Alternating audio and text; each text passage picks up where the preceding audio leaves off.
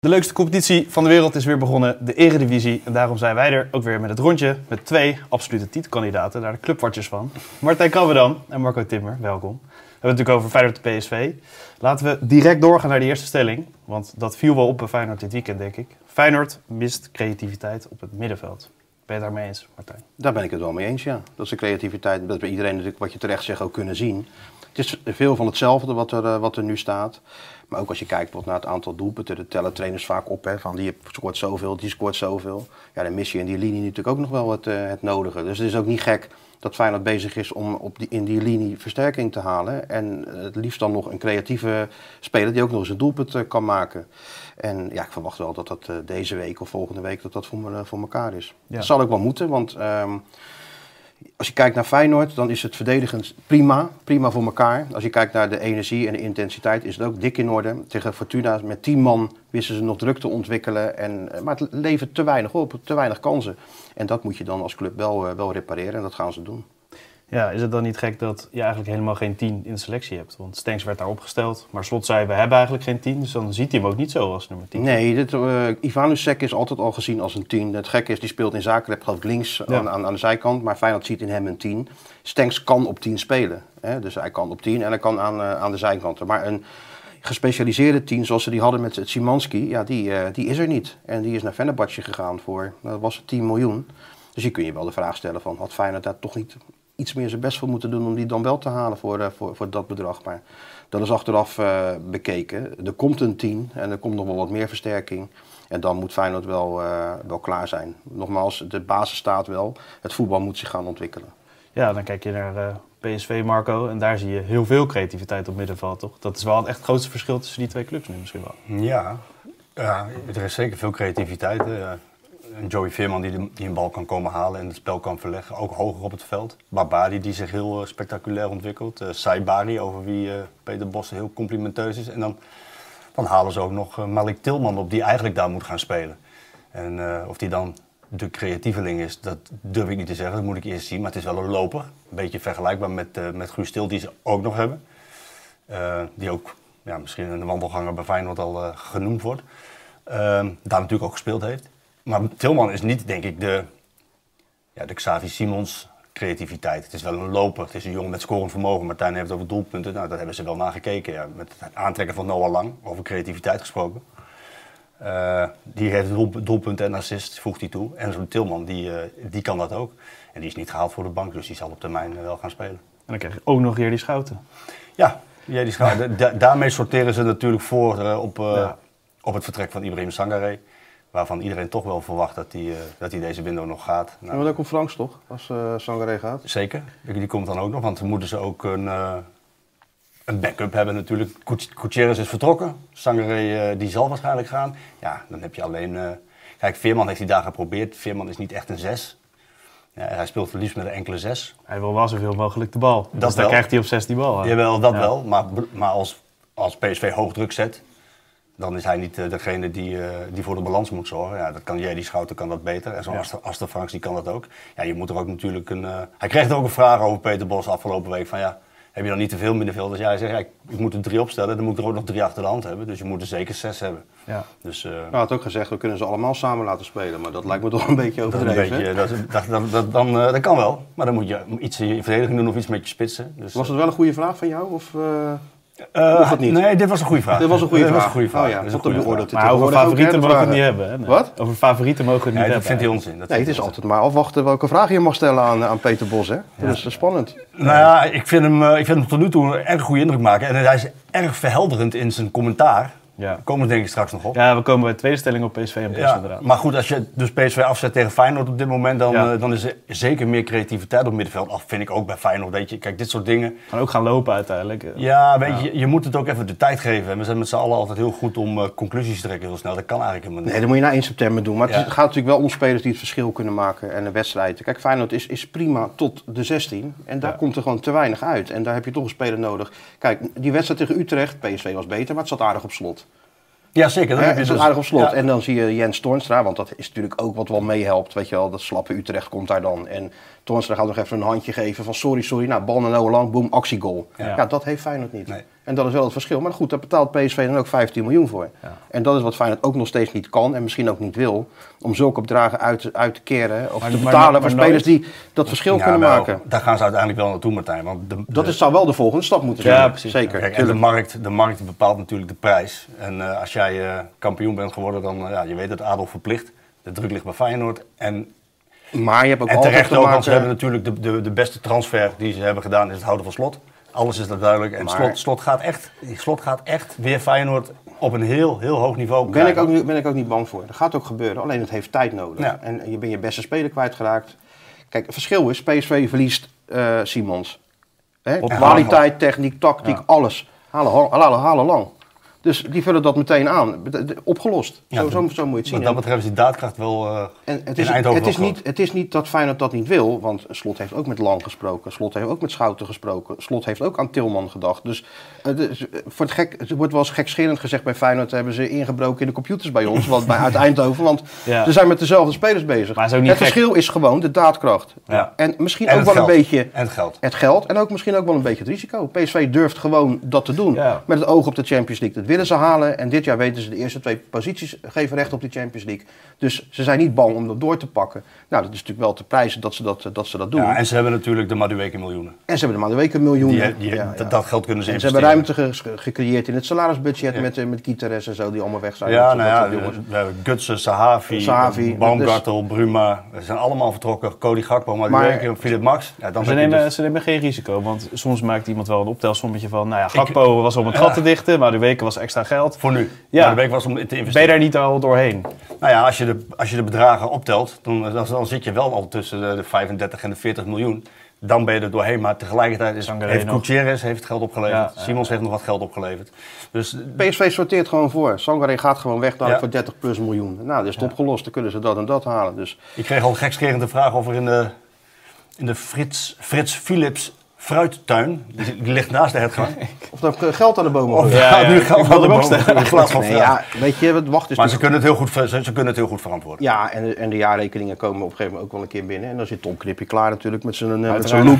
Om eens te gaan kijken hoe dat allemaal met elkaar zit. Hè? Ja, Ja, dus ik, ik denk dat het op dit moment te verantwoorden is. En eh, nog even terugkomen op Feyenoord, dat het even de tijd moet krijgen. Wat ik wel opmerkelijk vond. En, eh, ik vind het altijd goed als spelers zelfkritisch zijn. Hè? Je, je moet niet te snel tevreden zijn. en, eh, Ik maar snap wel waar je op doelt. Ja. je kan ook doorslaan. Hè? Ja. En eh, eh, ja, dat deed Wiever toch wel een beetje. Martijn. maar zo is een die. beetje door. Hè? Zo is die.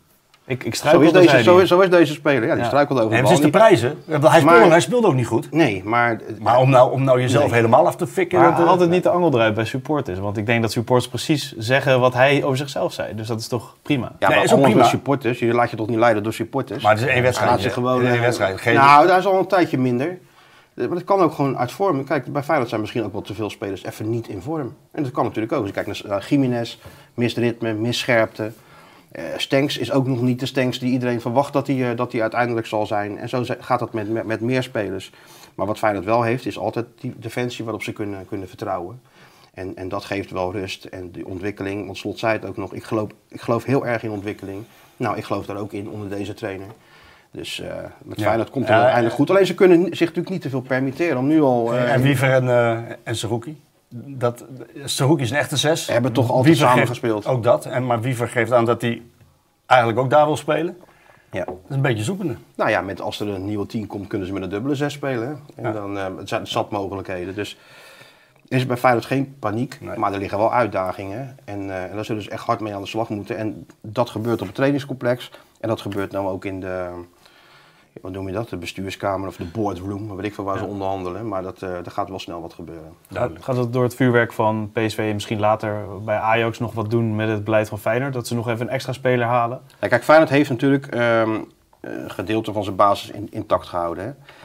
En ik vind ook, dan ben je automatisch ook ka- kandidaat om kampioen te worden. Maar als je naar het geweld in Eindhoven kijkt, wat, ze- wat die voor spelers kunnen betalen en ook doen. En als je kijkt wat Ajax, die gaat de spits uit, de, uit het eh, championship halen voor, voor 12 plus nog wat. 28 Eh, goals. Ja. Die gaan Soetalo halen voor 20 plus miljoen. En die buitenspeler die gekomen is van, eh, van Manchester City, ook voor heel veel geld. Ook voor Hele veel geld gehaald. Ja. Dus ja. dat zijn ook transfers die Feyenoord ook nog steeds niet kan doen. Dus je moet je als eh Feyenoord supporter ehm, dan altijd wel afvragen: is het realistisch om te veronderstellen, we zijn titelkandidaat? Wel als je kijkt naar de basis die er ligt en het afgelopen seizoen, maar nog steeds niet als je kijkt naar het verschil met Ajax en PSV op de transfermarkt. Nee, en dan heel kort, moest het een rode kaart zijn of een strafschop? Of eh, in ieder geval een van de twee? Het, het Of- was een rode kaart van Nieuwkoop. Het, het was ongelukkig en hij gleed door. Maar het is op dat punt op het veld is een beetje de oude Nieuwkoop hè, met, zijn, met zijn drive en zijn, eh, en zijn inzet. En ik vond wel dat hij uitstekend speelde eigenlijk. Tot die Ja. rode kaart met die overlap. De gevaarlijkste momenten kwamen via hem. En een beetje een VAR rode kaart, toch?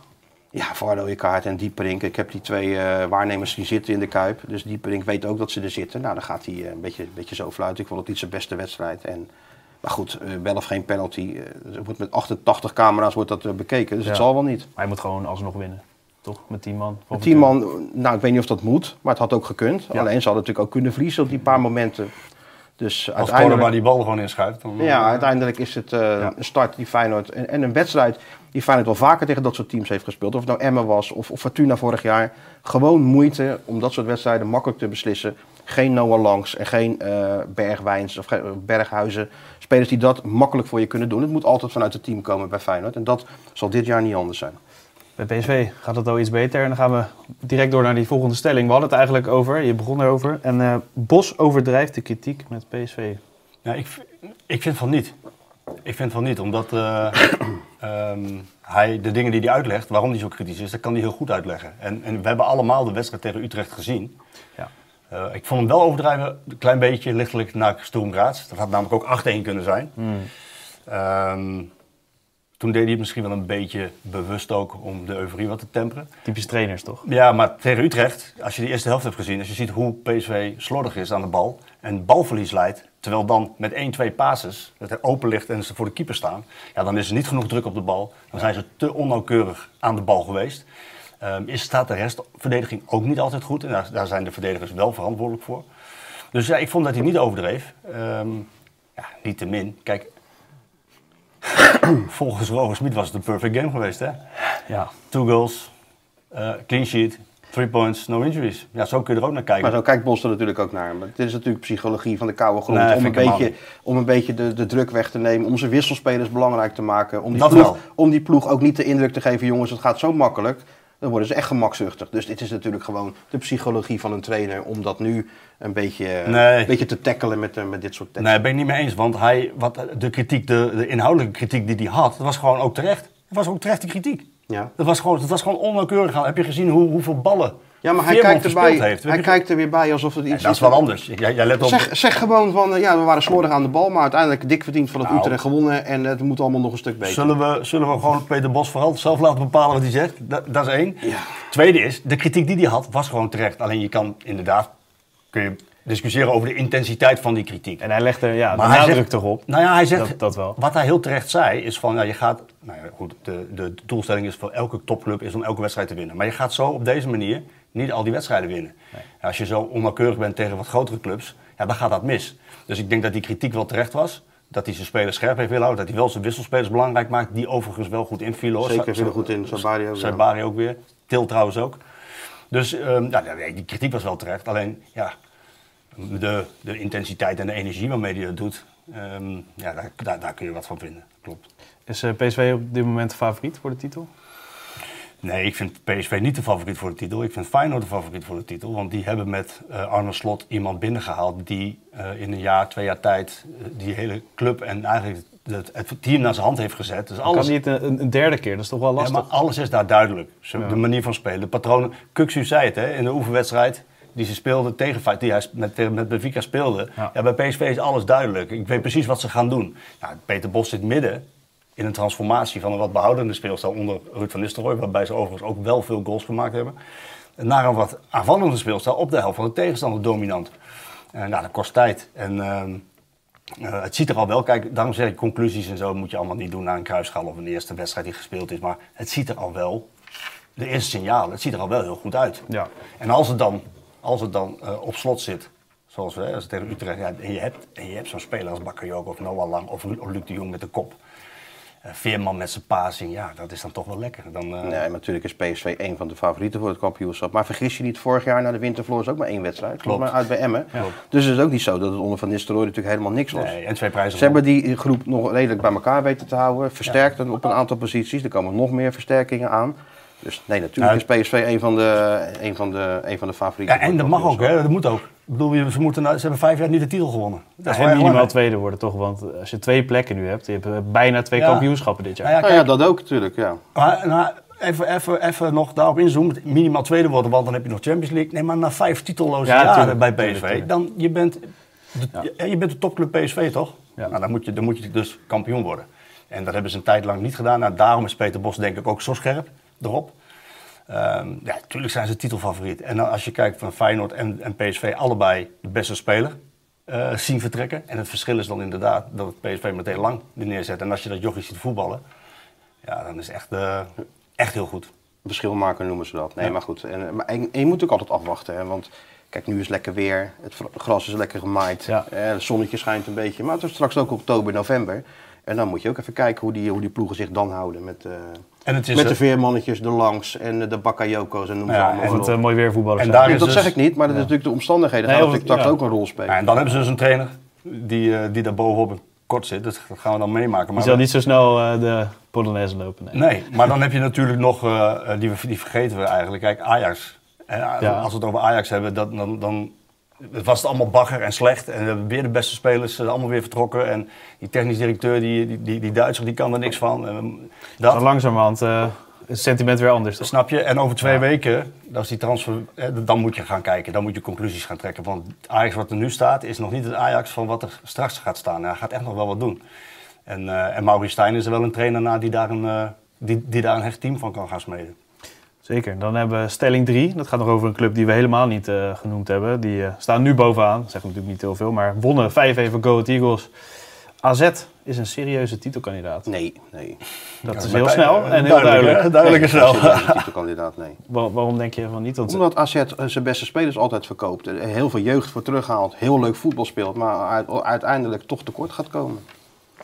Zo Ja. simpel is het. Ja, en als je... Maar goed, niemand die het daar moeilijk over doet volgens mij. Want, bij AZ eh, zelf bedoel je? Ja, nou ja, ze hebben, Ja. wat heeft die, die Huibers binnengehaald? 200 miljoen of zoiets. Dus die club, eh, ja, en die kiest er gewoon voor om jonge spelers te ontwikkelen. En, en daar krijgen ze ook de tijd voor. Bij Feyenoord, bij PSV al en bij Ajax moet je er gelijk staan. En bij AZ krijg je toch de ruimte om ook een keer een mindere wedstrijd te Is er spelen. minder druk. Is er minder Ja. druk. En, eh, en, en, en, maar uiteindelijk, dat, de kwaliteit...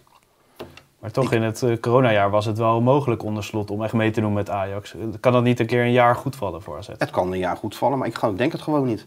En toen was natuurlijk Stengs, Boadou, noem allemaal maar op, dat soort spelers. Dat is Ja. ook wel van een andere orde natuurlijk. Hè.